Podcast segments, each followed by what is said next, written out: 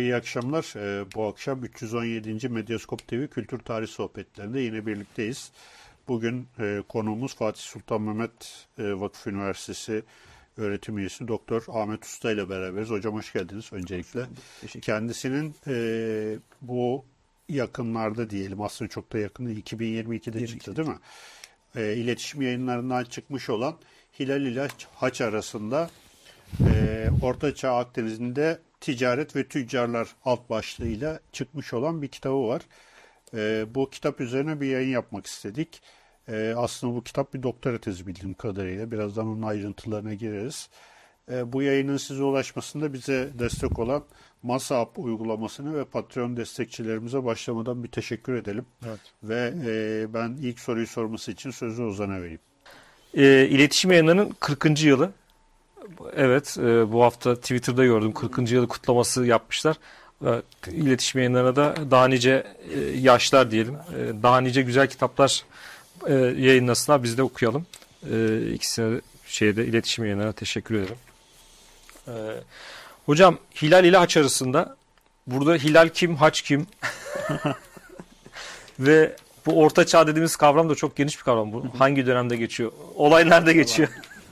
Tamam. Şöyle bahsedeyim. Ee, aslına bakarsanız yani hem test ya, e, Cengiz Bey de bahsetti.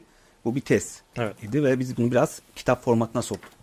Ee, aslında tezin konusu arafta kalanlar bir anlamda ticarette arafta kalanlar. Yani o hilal seçilmesinin sebebi buydu. E, çünkü bunlar e, Hristiyan olmalarına rağmen Memlüklere hizmet eden bazı tüccarlar var, tüccar grupları var. E, bunlar nasıl tanımlanmalı? Aslında soru buydu. E, ve bunlar işte kendi e, yasaklarına rağmen, kilisenin yasaklarına veya kendi devletlerinin yasaklamalarına, yasaklamalarına rağmen e, bir anlamda ihtiyaçları karşılamak, Memlüklerin ihtiyacı olan o yasaklı ürünleri karşılamak ve kendi kişisel çıkarları da doğrultusunda çalışmak için e, bu devlete hizmet ediyorlardı. Ve ben bunlara biraz dikkat çekmek için e, böyle bir çalışma ortaya koydum. Hilal Haç arasında kalanlar aslında bu tüccarlar. E, bir anlamda ne oldukları tam olarak belli olmayan, e, tanımlamalarda farklı şekilde tanımlanan, modern literatürde, günümüz literatüründe e, farklı şekilde tanımlanmış ama aslında bunların tekrar değerlendirilmesi gerektiğini atıf yapan bir çalışma. Başlığı buradan geliyor. Dönem olarak ya Orta Çağ geniş bir dönem. Biz Orta Çağ işte 6. yüzyılla başlatıyor. Bazı tarihçiler 5. yüzyılla başlatıyor. E, işte Roma'nın ayrılması e, süreciyle ve e, 1453 bazı e, tarihçilere göre 1492 İber Yarımadası hatta daha ötesinde Amerika'nın e, keşfi gibi farklı e, argümanlar var. Ben hani geç orta çağ olarak adlandırabileceğimiz 1260-1291 benim çalışmalarım zaten geç orta çağ üzerine biraz daha 13-14. E, yüzyıllar üzerine çalışıyorum. Daha önceki çalışmalarım da 14. yüzyıl üzerineydi. Biraz daha erken bir dönemi e, bu kitapta ortaya koymaya çalıştık. 1260-1291 e, Akdeniz'in daha böyle hareketli olduğu bir dönemi ortaya koymaya çalıştım. Evet. Hocam şimdi genellikle Akdeniz tarihi çalışmaları e, pek Doğu Akdeniz e, ile ilgilenmez. Yani vardır tabii illaki de hani e, Akdeniz e, meselesinde daha çok İtalya şehir devletleri işte Batı, e, Batı Akdeniz, İspanya vesaire belki işte Kuzey Afrika. E, sizi çalıştığınız alan bu açıdan biraz e, fazla çalışılmış bir alan değil. Yani Memlük e, ya burada üç tane devletten e, kitabınızda işte zaten üç sayıca bir Müslüman devleti iki e, Memlük işte Müslüman devleti Klikya Ermeni e, e, krallığı ve Bizans devleti. Bu e, bir defa yani Doğu Akdeniz'i çalışmak ve bu üç devletin birbiriyle olan ilişkilerini çalışırken e, nelerle karşılaştınız ve e, bu alanın bakir kalması konusunda ne düşünüyorsunuz? Şöyle başlayıp ben e, bu alana nasıl ilgi duydum? Biraz ondan bahsedeyim. Yani Akdeniz'in doğusu aslında bizim yaşadığımız coğrafya bir anlamda. E, ve e, bu tarihi tarihi bilmek yani Akdeniz coğrafyasının tarihini bilmek veya yazmak veya araştırmak e, bu bakımdan önemli. E, ben e, lisans eğitimi, lisans ve yüksek lisans eğitimimi Kıbrıs'ta yaptım. E, Kuzey Kıbrıs'ta. E, o süre içerisinde yüksek lisans tezim de benim Kıbrıs'ta ve Doğu Akdeniz'de küre ticareti üzerineydi 14. yüzyıl. Yine noter belgeleri üzerinden çalışmıştım. Bunun bir arka planı var işte bu kısım. Yani benim işte Doğu Akdeniz'de e, Doğu Akdeniz Üniversitesi'nde e, öğrenim görmüş olmam, oradaki e, tarihi yani şehrin tarihini, Gazi Mausa şehrinin tarihini biliyor olmam, e, araştırıyor olmam, oranın vermiş olduğu işte etki, e, kazandırmış olduğu işte oradaki hocalardan almış olduğum eğitim, e, bunda etkili oldu Doğu Akdeniz'de çalışmalarımı yönlendirmemde. E, bir de çalışmalarda yavaş yavaş böyle bir şeyleri okudukça okuduğunuz şey sizi başka bir yere yönlendiriyor. Yani orada gördüğünüz kaynak sizi başka bir kaynağa. Yani bu araştırma meselelerinden bahsediyorum. Kim ne çalışıyor bunu görüyoruz. Ve böylelikle aslında e, ne yapabilirim, ben nasıl katkı sağlayabilirim e, mevzusu doğdu. E, yüksek lisans tezimi ben köle ticareti üzerine yapmıştım dediğim gibi. Ve köle ticareti çalışırken noter belgelerini keşfettim. Yani gördüm. Zaten daha önceden de kullanılıyordu. Ama maalesef Türkiye'de çok fazla üzerine durulan veya bilinen bir mevzu değil noter belgeleri. E, Benjamin Arbel'in e, bir makalesi vardı kölelik üzerine. Orada gördüm. Daha sonra bunları araştırmak için bir İtalya seyahatim oldu. Öyle kafam esti diyebilirim yani. Böyle bir e, 2010 yılında bir aylık süreyle Venedik'e gittim. E, Venedik, Padua, işte kütüphaneleri gezdim, arşive girdim. E, tabii Latincem o dönemde yeterli değildi yani yazma vesaire okuyabilecek düzeyde değildi. Fakat matbu metinlerle, noter belgeleriyle e, karşılaştım. Bunların önemli bir kısmını kopyaladım. O dönemin şartlarıyla. Daha sonra işte bunları getirdim. E, küre ticareti üzerine çalışmış olmam daha önce. Yani doktora da ne yapabilirim doğurdu. İşte Akdeniz üzerine çalışmak istiyorum yine. Bu sefer kölemen bir devlet üzerine. Yani daha o alt yapımı işte background'umu kullanabileceğim, arka planda öğrendiğim şeyleri kullanabileceğim bir şey üzerine çalışayım dedim. E, hocalarım da doktora tezi süresince hocalarım da burada teşvik edici oldular ve e, aslında bir boşluğu da görmemi sağladılar. Çünkü İslam-Bizans ilişkileri bağlamında e, farklı çalışmalar var. Özellikle Hazreti Peygamber dönemi ve sonrasında Abbasilerin belli bir dönemine kadar Casim Avcı çalışmış. E, onun dışında Koray Durak e, çalışıyor. Yani yanlış hatırlamıyorsun doktora tezi Abbasiler, Erken Abbasi ve Haçlılar öncesinde İslam-Bizans ilişkileri. Ben de buraya nasıl bir katkı sağlayabilirim diye düşündüm ve burada e, Memlüklerin Bizans ile ilişkilerini incelemeye önce e, düşündüm. Ardından yani bir Anadolu tarihi çıkıyor işin içerisinde. Çünkü Anadolu'nun orta çağına odaklanıyorsunuz Bizans'tan bahsederken. Ve e, ticaret dediğimiz şey tek olgulu bir şey değil. Yani sadece e, ticaret dediğimizde işin içerisine Bizans'ı ve Memlükleri alamıyoruz. İşin içerisinde Cenovalılar var. Yani ticarette aracı konumunda olanlar veya yasaklı ürünlerin taşınmasında etkili olan başka bir güç, başka bir devlet, Kilikya Ermeni Krallığı var. Bunları da dahil etme gerekliliği ortaya çıktı. Bu sefer böyle biraz daha meşakkatli bir süreç başladı. Biraz işin şeyi bu. Yani ee, nasıl diyeyim arka plandaki olaylar bu şekilde gerçekleşti. Evet. Burada hocam 3 e, üç ülke var işte 3 devlet var. Memlükler, e, Ermeni Kilikya Ermeni Krallığı ve Bizans. Bunların arasındaki ticarete konu olan mallar neler? Neler dönüyor? Neler sat, alıp satıyorlardı? Ve şey belirli bir hacim var mı? Ne, onları bir görebiliyor muyuz bu noter kayıtlarından ve diğer belgelerden? Şimdi e, şöyle aslına bakarsanız çeşit, yani ürünler çok çeşitli. E, daha çok e, Memlüklerin e, Kilikya Ermeni Krallığından veya Bizans aracılığıyla Karadeniz'den elde ettiği ürünler. Yani biz oradan Bizans tüccarlardan elde etmiyorlar. Fakat orada kolonileri bulunan Cenovalıların getirmiş olduğu ürünler var ve bunların geçebilmesi için e, boğazlardan geçmesi yani Bizans kontrolü altındaki limanlardan veya boğazdan geçmiş olması gerekiyor. E, bunun için de doğrudan bir Bizanslarla ilişkilerin kurulması gerekiyor. Bunun dışında yine e, Bizans topraklarından gelen işte e, Mısır ve çevresine gelen tüccarlar var. E, bu böyle bir ticaret ağını başlatıyor. Daha çok gelen ürünler işte köle, kereste yani Memlüklerin ihtiyacı olan özellikle demir, e, zift, e, bunun dışında e, kürk, Karadeniz bölgesinden yine getirilen kürk veya hayvan derisi gibi ürünler getiriliyor ama e, işte kürk, hayvan derisi e, gibi ürünler yasaklı değil ama köle, kereste ve demir gibi ürünler, zift gibi ürünler bunlar savaş aleti yapımında kullanılan. Doğrudan gemi yapımında, mancınık yapımında, işte e, ok yapımında vesaire yani ahşaba dayalı olan her şeyde kullanılan veya demire dayalı olan her şeyde kullanılabilen ürünler. Bundan dolayı papalığın zaman zaman yasaklamaları var. Bunu sadece Memlükler üzerine yapmıyorlar. Memlükler öncesinde biz bu yasaklamaların Fatımilere daha sonrasında Eyyubilere yapıldığını görüyoruz. Aynı bölgede Doğu Akdeniz'de. Ee, daha çok ürünler bu şekilde yani yasaklı ürünler. Ee, bir de şöyle bir durum var. Sadece ticaret tek yönün değil. Bir de Memlük topraklarından e, ticaret yapılan ürünler var e, yani size takdir edersiniz ki şimdi gemiyi getirdiniz oraya, ürünleri getirdiniz ama boş dönmemek gerekiyor. Evet. Çünkü bu masraflı bir şey. Bu sefer de geri dönerken Memlüklerin topraklarında toplayabildiklerini özellikle e, Hint Okyanusu'ndan getirilen burada Karimiler adı altında bir tüccar grubu var. E, daha çok ticaret onlar elinde, onların elinde. Onların Aden Körfezi'nden geçerek Kızıldeniz'e soktukları ve bir şekilde işte e, karayolunu kullanarak e, Nil'e ulaştırdıkları ürünler var. İşte bunlar arasında baharatlar var. Şifalı bazı bitkiler. E, bunların dışında e, yine Mısır ve çevresinden şap e, önemli ürünler arasında.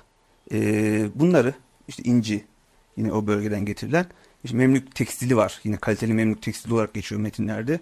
Bu ürünleri alıyorlar ve bölgede hem Avrupa'ya taşıyorlar hem de Bizans topraklarına bu şekilde taşıyorlar. Aslında ticaret çift yönlü. Ama bizim üzerine durduğumuz şey yani benim e, çalışmada üzerine durduğum yasaklanan ürünler üzerineydi. Bunlar da işte e, köle, kereste ve demir ağırlıklı. Şimdi bu yasaklanan bir ürün yasaklandıysa onun ticareti başka yollardan devam eder. Ve de karlıdır. Karlıdır üstelik. ee, burada dördüncü bir aktör de herhalde işin içine giriyor. Yani bu üç devletin dışında e, dördüncü bir aktör olarak işte Ce Cenevizliler, belki korsanlar vesaire. Biraz bunlardan bahsedebilir miyiz? Bu buradaki mesela Cenevizlilerin üç devlet arasındaki konumu nasıl olmuş? E, nasıl bir ilişkiler bütünü var? Şimdi şöyle e, aslına bakarsanız 1260 çok e, keskin dönüşümlerin olduğu bir dönem. Yani öncesinde hemen 1260 öncesinde işte Konstantinopolis, İstanbul e, Latinlerin hakimiyeti altında ve Latinlerin hakimiyeti orada Venedik tarafından kuruluyor. E, ve Venedik'in bölgeye gelmiş olması Cenova'nın ticaretini bir anlamda etkiliyor. Yani olumsuz yönde etkiliyor. Cenova'da İznik'teki Bizans'a yardımcı oluyor. Daha çok onların işte biz, e, Konstantinopolis'i geri alması, tekrar o ticarette yer almaya çalışması gibi bir süreci oluşturuyor. E, bir bakıyorsunuz diğer tarafta Memlükler kurulmuş ve Memlükler güçlenmeye çalışıyorlar. E, böyle bir süreç var. E, biz ikisi, ikisinin arasındaki aslında bu süreci incelemeye çalıştık. Yani baktığımızda işte me, şöyle söyleyeyim Cenovalıların e, Bizanslılarla olan Bizans Konstantinopolis'in geri alınmasından sonra elde ettikleri imtiyazlarla birlikte bu ticarette ne şekilde etkili olduklarını göstermeye çalıştım ben tezimin içerisinde. Böylelikle aslında Cenova'yı da işin içine almış oldum. Venedik biraz daha geri plana düştü böylelikle. Çünkü e, Latin krallıkları yavaş yavaş ortadan kalktı bu süreçte. E, ve işte sadece Girit ve çevresinde biz e, etkili olan bir Venedik görmeye başladık o dönem için. Ama Cenova burada bir yeni bir aktör olarak ön plana çıktı. Hatta daha sonra e, Kilikya Ermeni Krallığı ile yapmış oldukları anlaşmalar var. Oradan da yine e, özellikle Toroslardan getirilen ağaçlar kerestilerin taşınmasında etkili oluyorlar. Yine Sivas, Sinop, Sivas yolu takip ederek Karadeniz'den getirilen köle ticaretinde yine etkililer. E, bu bakımdan da işin bir başka aktörü olarak Cenova'yı işin içerisine dahil ettik. Evet. Bir de bıraktıkları kaynaklar var. Yani Cenovalıların aslında en önemli noktalarından birisi de noter belgelerinin kendilerine ait olması.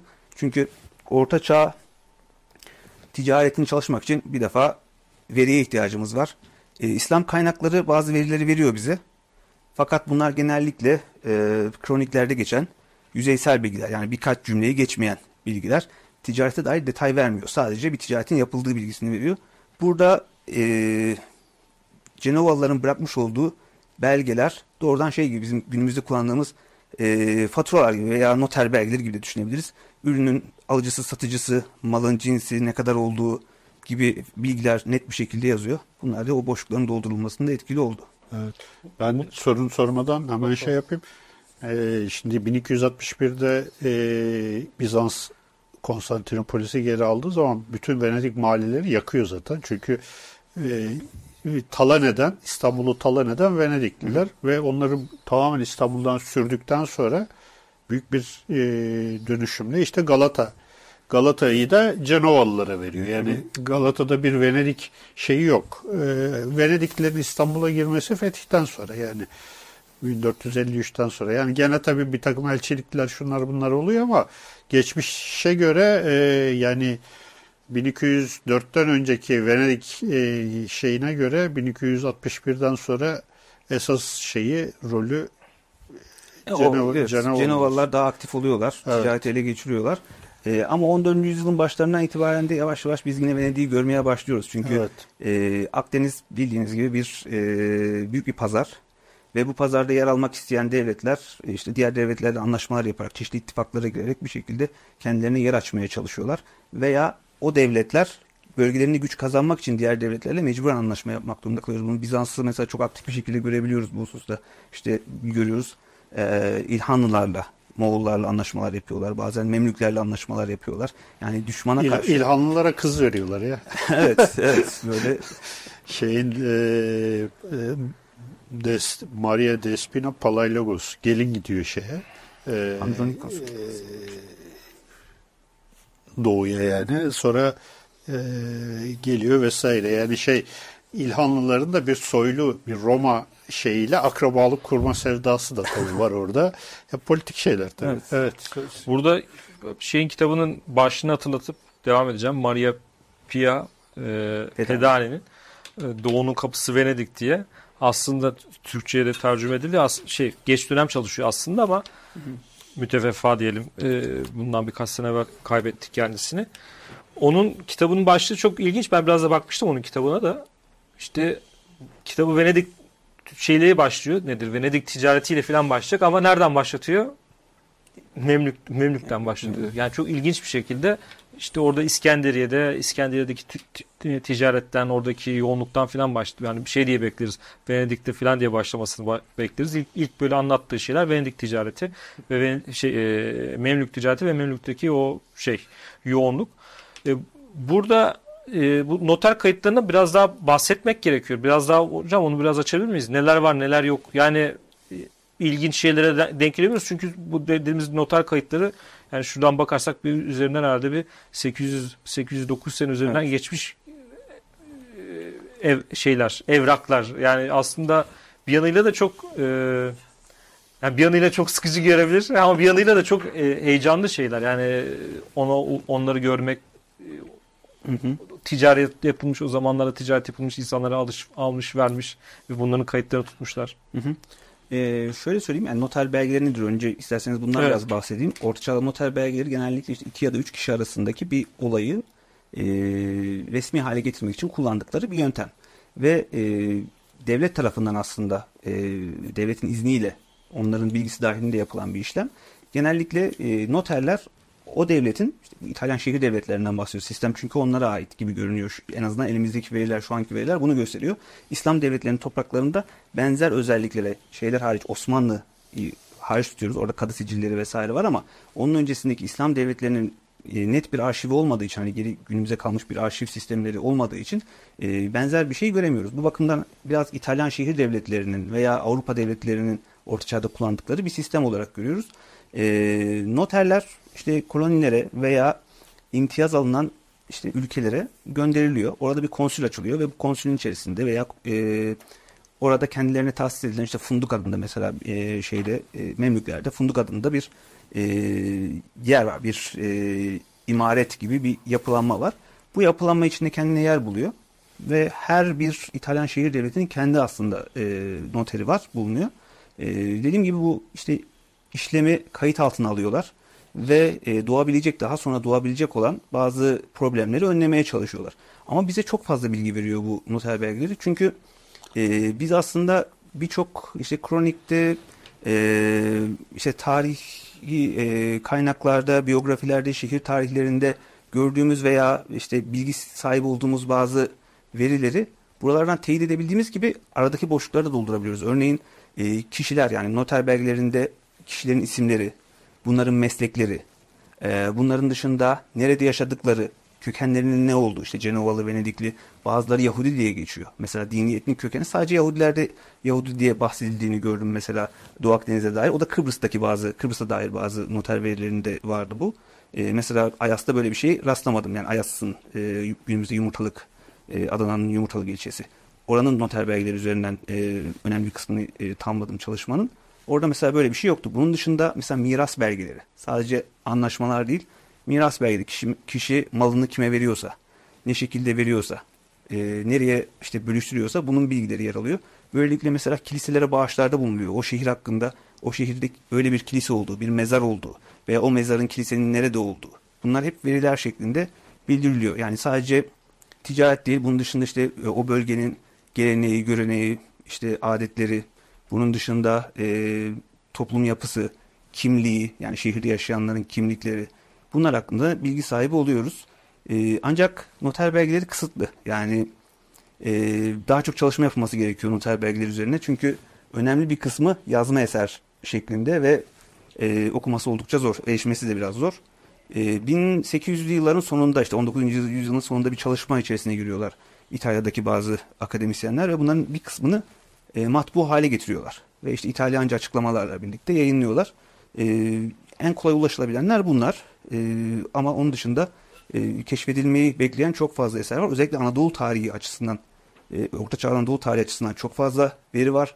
E, Sivas bildiğiniz gibi bir Cenova'nın da içinde bulunan, yani Cenova'nın da ticaret yaptığı bir yerdi ve orada tutulan kayıtlar var. İlginç bir şekilde ben e, Ayas belgelerini incelerken Federico e, Di Piazza Lunga diye bir adam var. Bu 1274 yılında kayıtlarını e, tutuyor. Fatsa'nın yani Fatsa'ya da göreve gitmiş ve orada çalıştığı süre içerisinde de e, oranın Fatsa ilçesinde, ilçesinde de kayıtlar almış. Yaklaşık 10 tane kayıt var. E, bunun gibi yani gittikleri her yerde noterler işte ya görevlendirmeyle gidiyorlar ya da başka bir amaçla gittikleri her yerde kendi tüccarlarının veya e, kendilerine gelen yine İtalyan şehir devletlerinin tüccarları olması gerekiyor anladığım kadarıyla. Çünkü başka bir veri yok yani. Gidip bir Montpellier'li veya Aragonlu birisi onlara yazdırmıyor.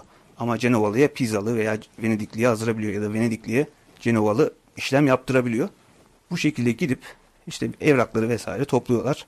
Ama bize çok fazla veri sunduklarını söyleyebilirim. Bu konuda şey de eklemek gerekiyor.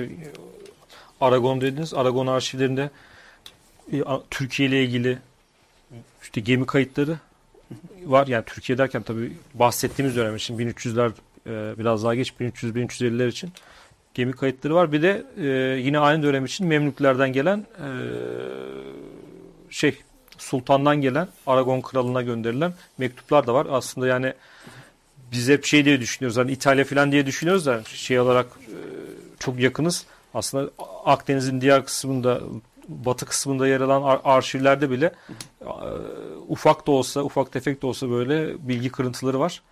E, onlara da bakmak gerekiyor. E, biz de şey yapalım. Yeni araştırmacılar için konu konu konu şey yapalım. Onlar şimdi izlerken notlarını alsınlar. Hocam şimdi kaynak çeşitliliklerinden biraz bahsedelim. Yani kitabınızda işte İslam kaynaklarından, Latin, Bizans, Ermeni ve Süryani kaynaklarından faydalandığınızı yazmışsınız. Ve bu kaynakları bir kıyaslarsak nasıl bir manzara çıkıyor ortaya. Bir de yani bu kaynakların dışında işte özellikle sikkeler ve gemi e, batıklarına da dikkat çekmişsiniz. Mesela şeyi merak ediyorum. Bu İstanbul'da yapılan Teodosius kazılarında bir sürü gemi ve şey çıktı. E, yani orası bir ticaret merkezi, bir limandı ve çıkan gemiler genellikle hani 800-900 yıllık e, gibi tarihleri bayağı da sağlam bir şekilde çıktı.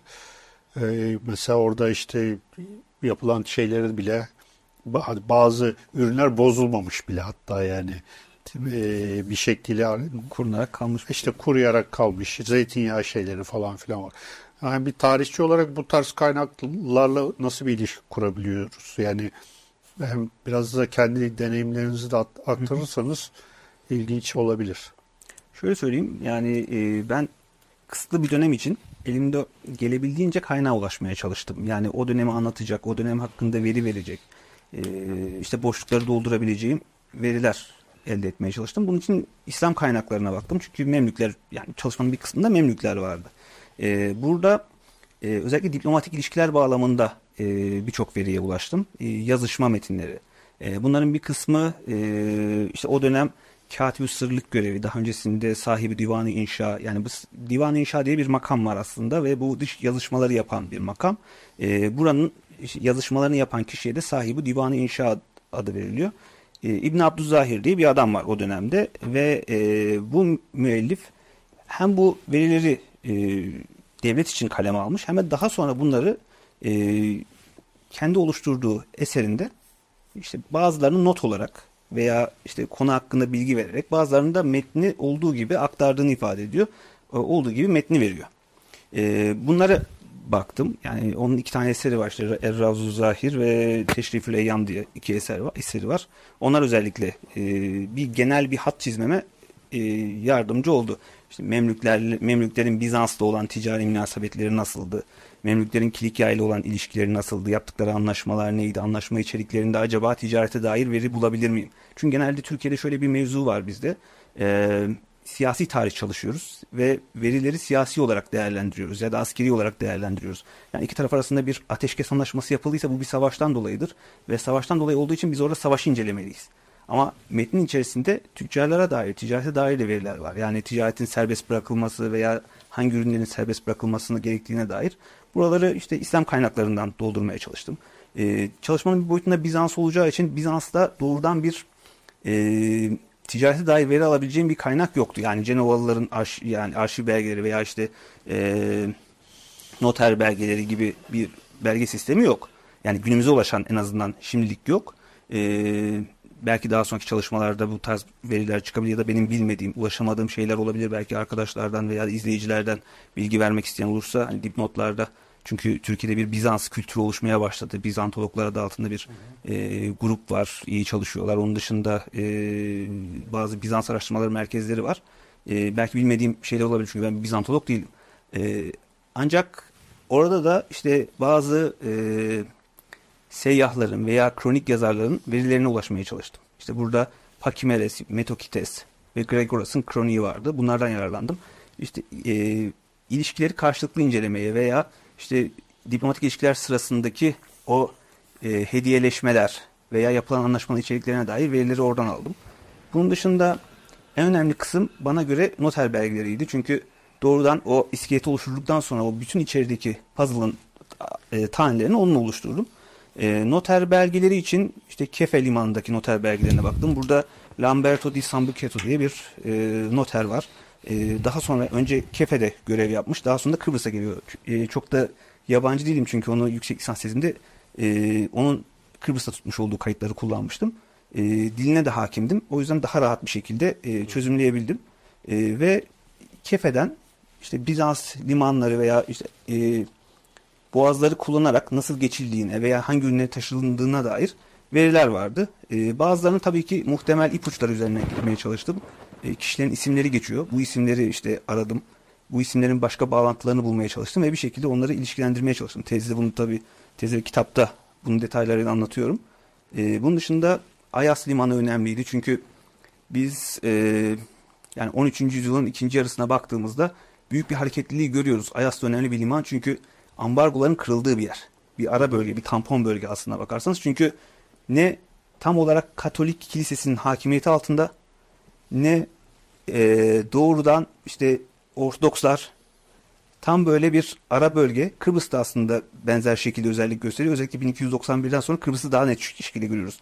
Tam böyle bir şey e, ara bölge, atlama bölgesi gibi. Yani ürünler geliyor, indiriliyor orada takip edilmemesi için. Daha sonra başka bir gemiye bindiriliyor ve aynı gemi tekrar yoluna devam ediyor ve böylelikle e, ticaret devam etmiş Çok tanıdık geldi. bu şekildeydi. Latin kaynaklarını bu şekilde inceledik.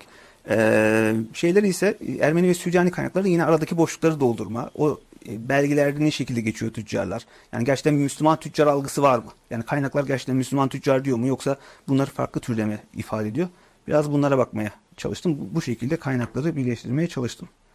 Burada şey önemli aslında. Biraz önce bir şey söylediniz onun üzerine hareketli. Ben de birkaç bir şey söyle, e, nedir? Katkı yapmak istiyorum. Yine korsan, korsan tebliğe giriyoruz. Bu yani e, 19. yüzyılın tarih yazımı işte devletlerin çöküşü, yükselişi ve savaşlar üzerinden olduğu için bu diplomasiydi, ondan sonra ticaretti mevzuları çok böyle e, arka planda kaldı ve yani yakın dönemde çalışılan bir şey ve aslında savaş arzi bir durum. Yani e, yani atıyorum mesela Memlük, Bizans veyahut da e, Klikya krallığı arasındaki ilişkiler hani savaş çıktığı zaman bozuluyor ama bu çok böyle arizi bir sene iki senelik bir durum. Onun haricinde e, asıl olan sulh ve oradaki ticaret ve ilişkiler. Burada mesela şeyin e, diplomasinin e, şeyin etkisi neler? E, nasıl görüyorsunuz? Nasıl gördünüz daha doğrusu?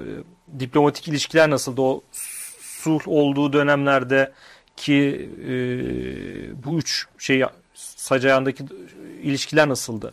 Ee, şöyle mesela Bizans açısından bakarsak, Bizans Memlük ilişkileri açısından bakarsak sınır hattı olmadığı için doğrudan bir savaş durumu yok evet. aralarında.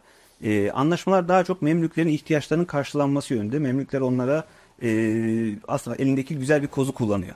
Çünkü e, Baybars döneminde e, Berke Han'la bir anlaşma var. Yani e, Altınorda Devleti'nin sultanı e, ve İslamiyet'i kabul etmiş o dönemde Berke ve Berke ile bir anlaşması var ve o anlaşma gereği şunu diyor e, zamanı geldiğinde imparatora e, eğer e, Berke ile bir problem yaşarsan ben sana yardımcı olmam alanı düzeltmek için herhangi bir şekilde yardımcı olmam bundan dolayı e, tüccarlarımın rahat bir şekilde geçmesine veya oradan gelecek olan tüccarların gelmesine izin vereceksin.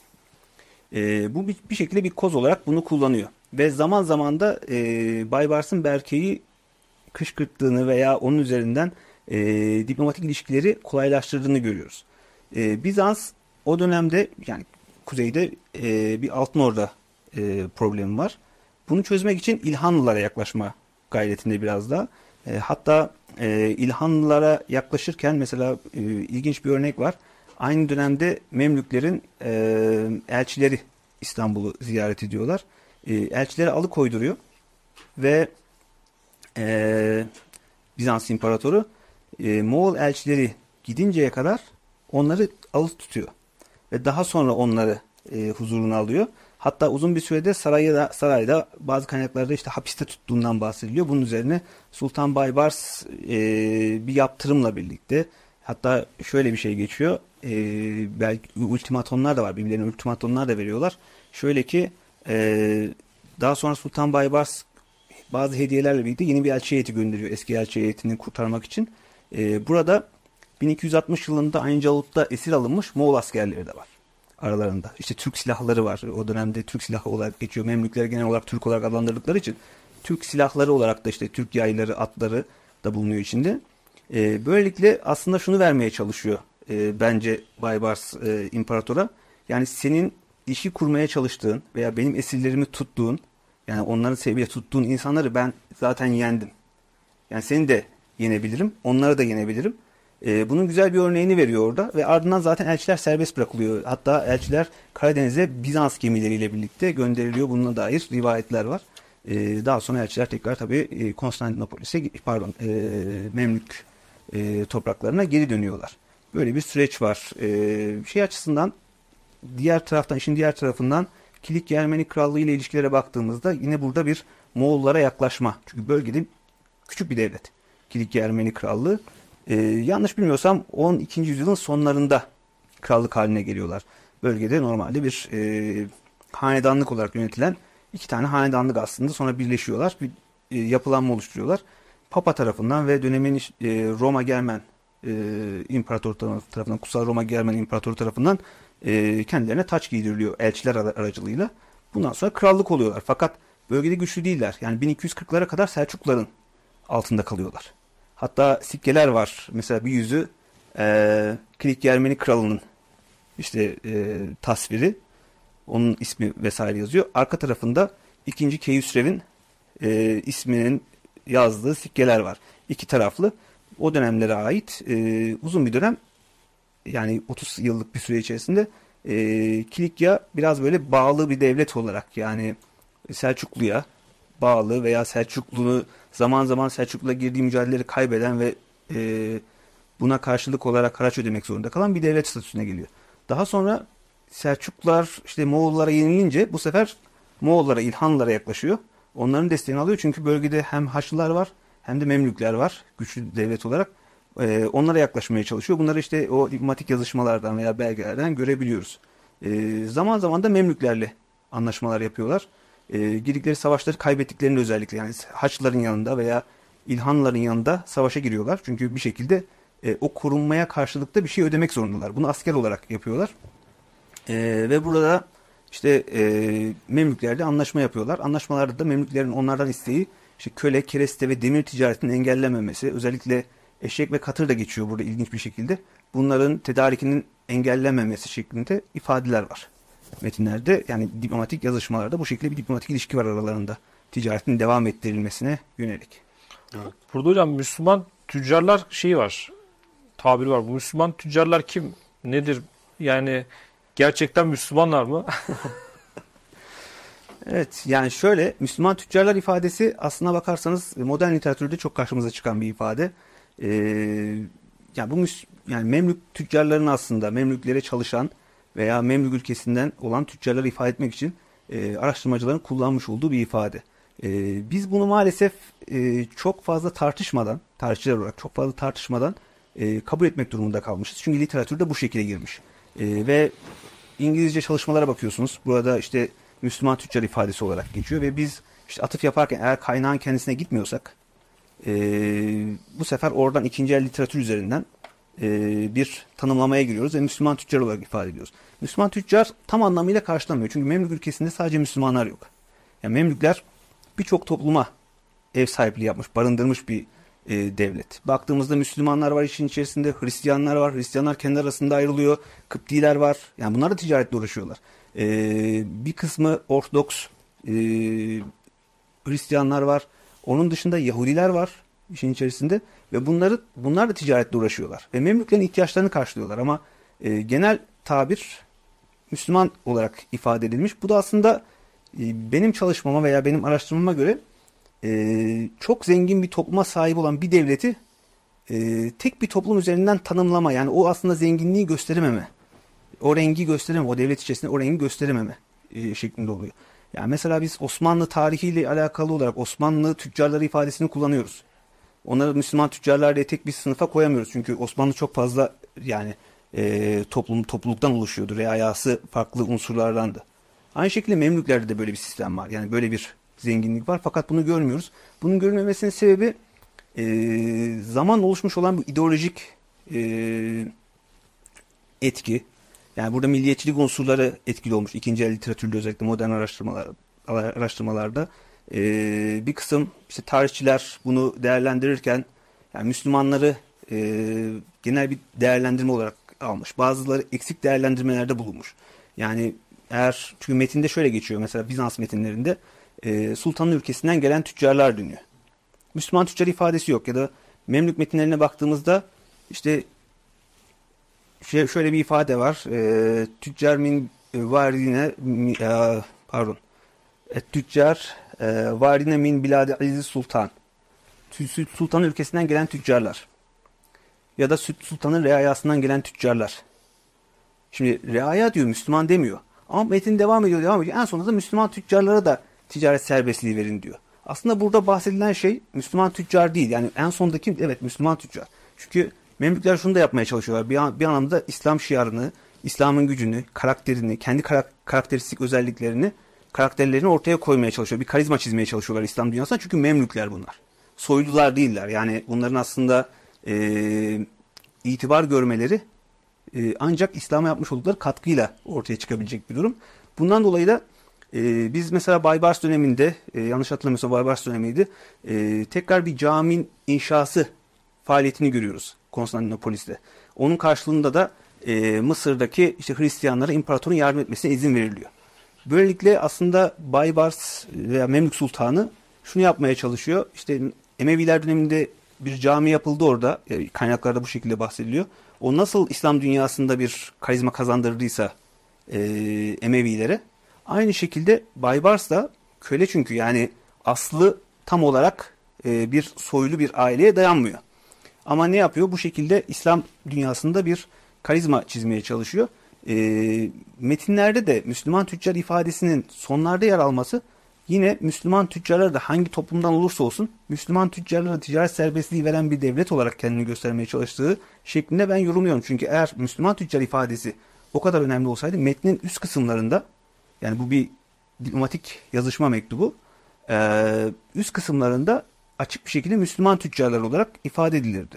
Burada çok daha geniş bir zümrenin kastedilmesi söz konusu diye düşünüyorum. Çalışmada zaten bunun üzerine örnekleriyle birlikte açıklıyorum bunu. Burada e, iki din arasında kalmış.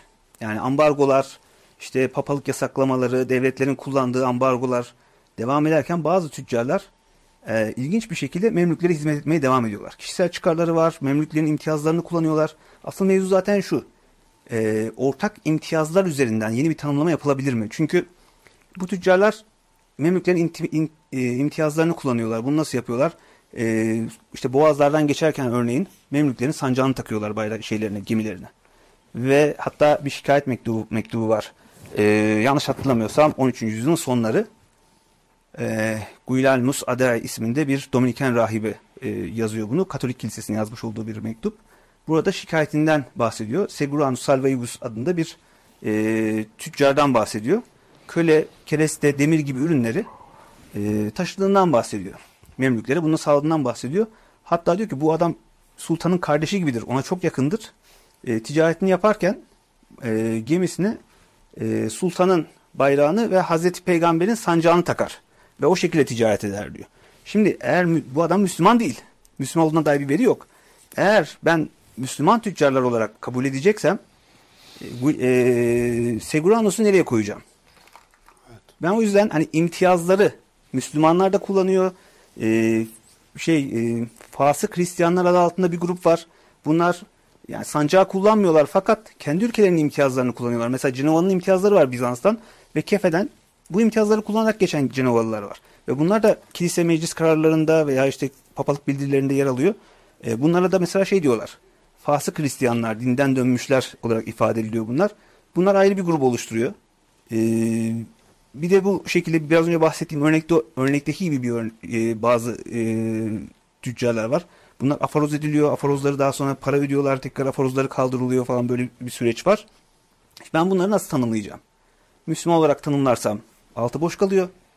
Yeni bir şey üzerinden, yeni bir kimlik üzerinden e, örnekleri vererek tanımlama gerekliliği duydum. Orada da işte bunları daha net bir şekilde ifade etmek için, ortak bir paydada buluşturabilmek için kullandıkları imtiyazlar. Yani bayrak takmak bir çeşit imtiyaz. E, çünkü yapılan anlaşmalar var ve anlaşmalarda diyor ki e, Memlük topraklarından giden, bu arada Memlük topraklarından gidiyor gemisi ve Sultan Sancağı'nı taşıyor. Böylelikle ticaret gerçekleşiyor. O zaman bunlara yeni bir e, tanımlama yapmak gerekiyor diye düşündüm. İşte en uygun ifade Memlük tüccarları ifadesi e, oldu. Tabi bu hususta yeni çalışmalar vesaire yapılarak eleştirilebilir veya üstü doldurulabilir bir durum. Çünkü aynı terimi kullanan başka farklı tarihçiler de var. Onlar daha çok coğrafya üzerinden bunu yapıyorlar. Yani biraz daha böyle imtiyazlar üzerinden bir tanımlama yaptım. Evet. Hocam ben şimdi biraz bu hikayeyi biraz geriye e, sararak sormak istiyorum. Şimdi sizin şey yaptığınız dönem aslında Haç seferlerinin tamamen bittiği e, bir efsane olarak belki o seferlerin e, şey yaptığı. En son işte dördüncü Haç seferi diye çıkıp İstanbul'u fethediyorlar. Daha sonra ufak tefek şeyler oluyor ama genel olarak o Haçlı ruhu ortada pek kalmıyor. Ama şöyle bir şey var yani o işte 11. 12. yüzyıldaki büyük Haçlı seferleri e, bir e, Batı Akdeniz'deki ticari gücü biraz Doğu Akdeniz'e taşımış herhalde değil mi? Bu ticari kapasitenin artmasında bu Haçlı seferlerinin rolü nasıl olmuş? Biraz bu, bu, bu konuda ne, ne söyleyebilirsiniz? Yani? yani şüphesiz büyük bir e, ivme kazandırıyor e, Haçlı seferleri. Özellikle 1. Haçlı seferinden sonra orada kurulan krallıklar, e, sonrasında Cenevalılar, Venedikliler, e, bunlara verilen imtiyazlar, o bölgelerde kendilerine e, tanınan haklar, e, rahat serbest ticaret yapma hakları vesaire bunlar önemli bir katkı sağlıyor. E, bunun dışında elde edilen toprakların ürünleri e, aynı şekilde e, batıya e, taşınıyor. E, ve her ne kadar kontrol işte e, Mısır ve çevresinde Memlüklerin elinde veya daha öncesinde e, Eyyubilerin ya da Fatimilerin elinde olmuş olsa da e, ürünler yapılan anlaşmalarla birlikte yani e, Müslüman devletlerle ve İslam devletleriyle yapılan anlaşmalarla birlikte Cenovalılar ve Venedikler tarafından alınıp yine götürülüyor, götürülüyor ve zaten bölgede bulunmaları onlara o anlaşmaları yapma veya ortaklıklar kurma veya devletlerle ilişki kurma imkanı tanıyor. Böylelikle doğunun ürünlerini rahat bir şekilde batıya taşıyorlar, e, Avrupa'ya taşıyorlar, Karadeniz'e taşıyorlar ve bu süreç onlara büyük bir kar kazandırıyor. Kar elde etmelerini sağlıyor.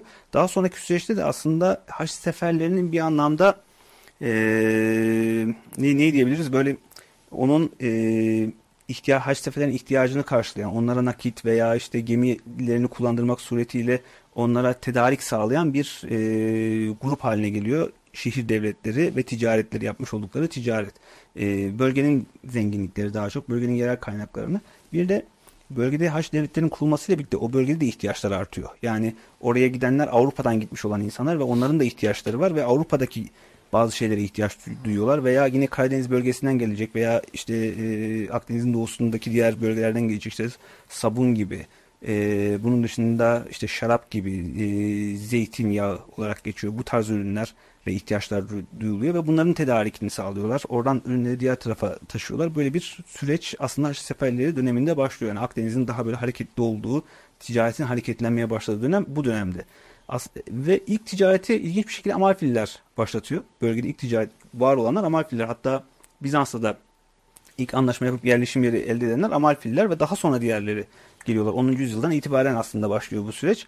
Ee, ama sizin dediğiniz gibi yani 11. yüzyılın sonlarından itibaren Haçlı seferleri Cenova ve Venedik'in ortaya çıkmasında en önemli konum, en önemli nokta evet. oluyor.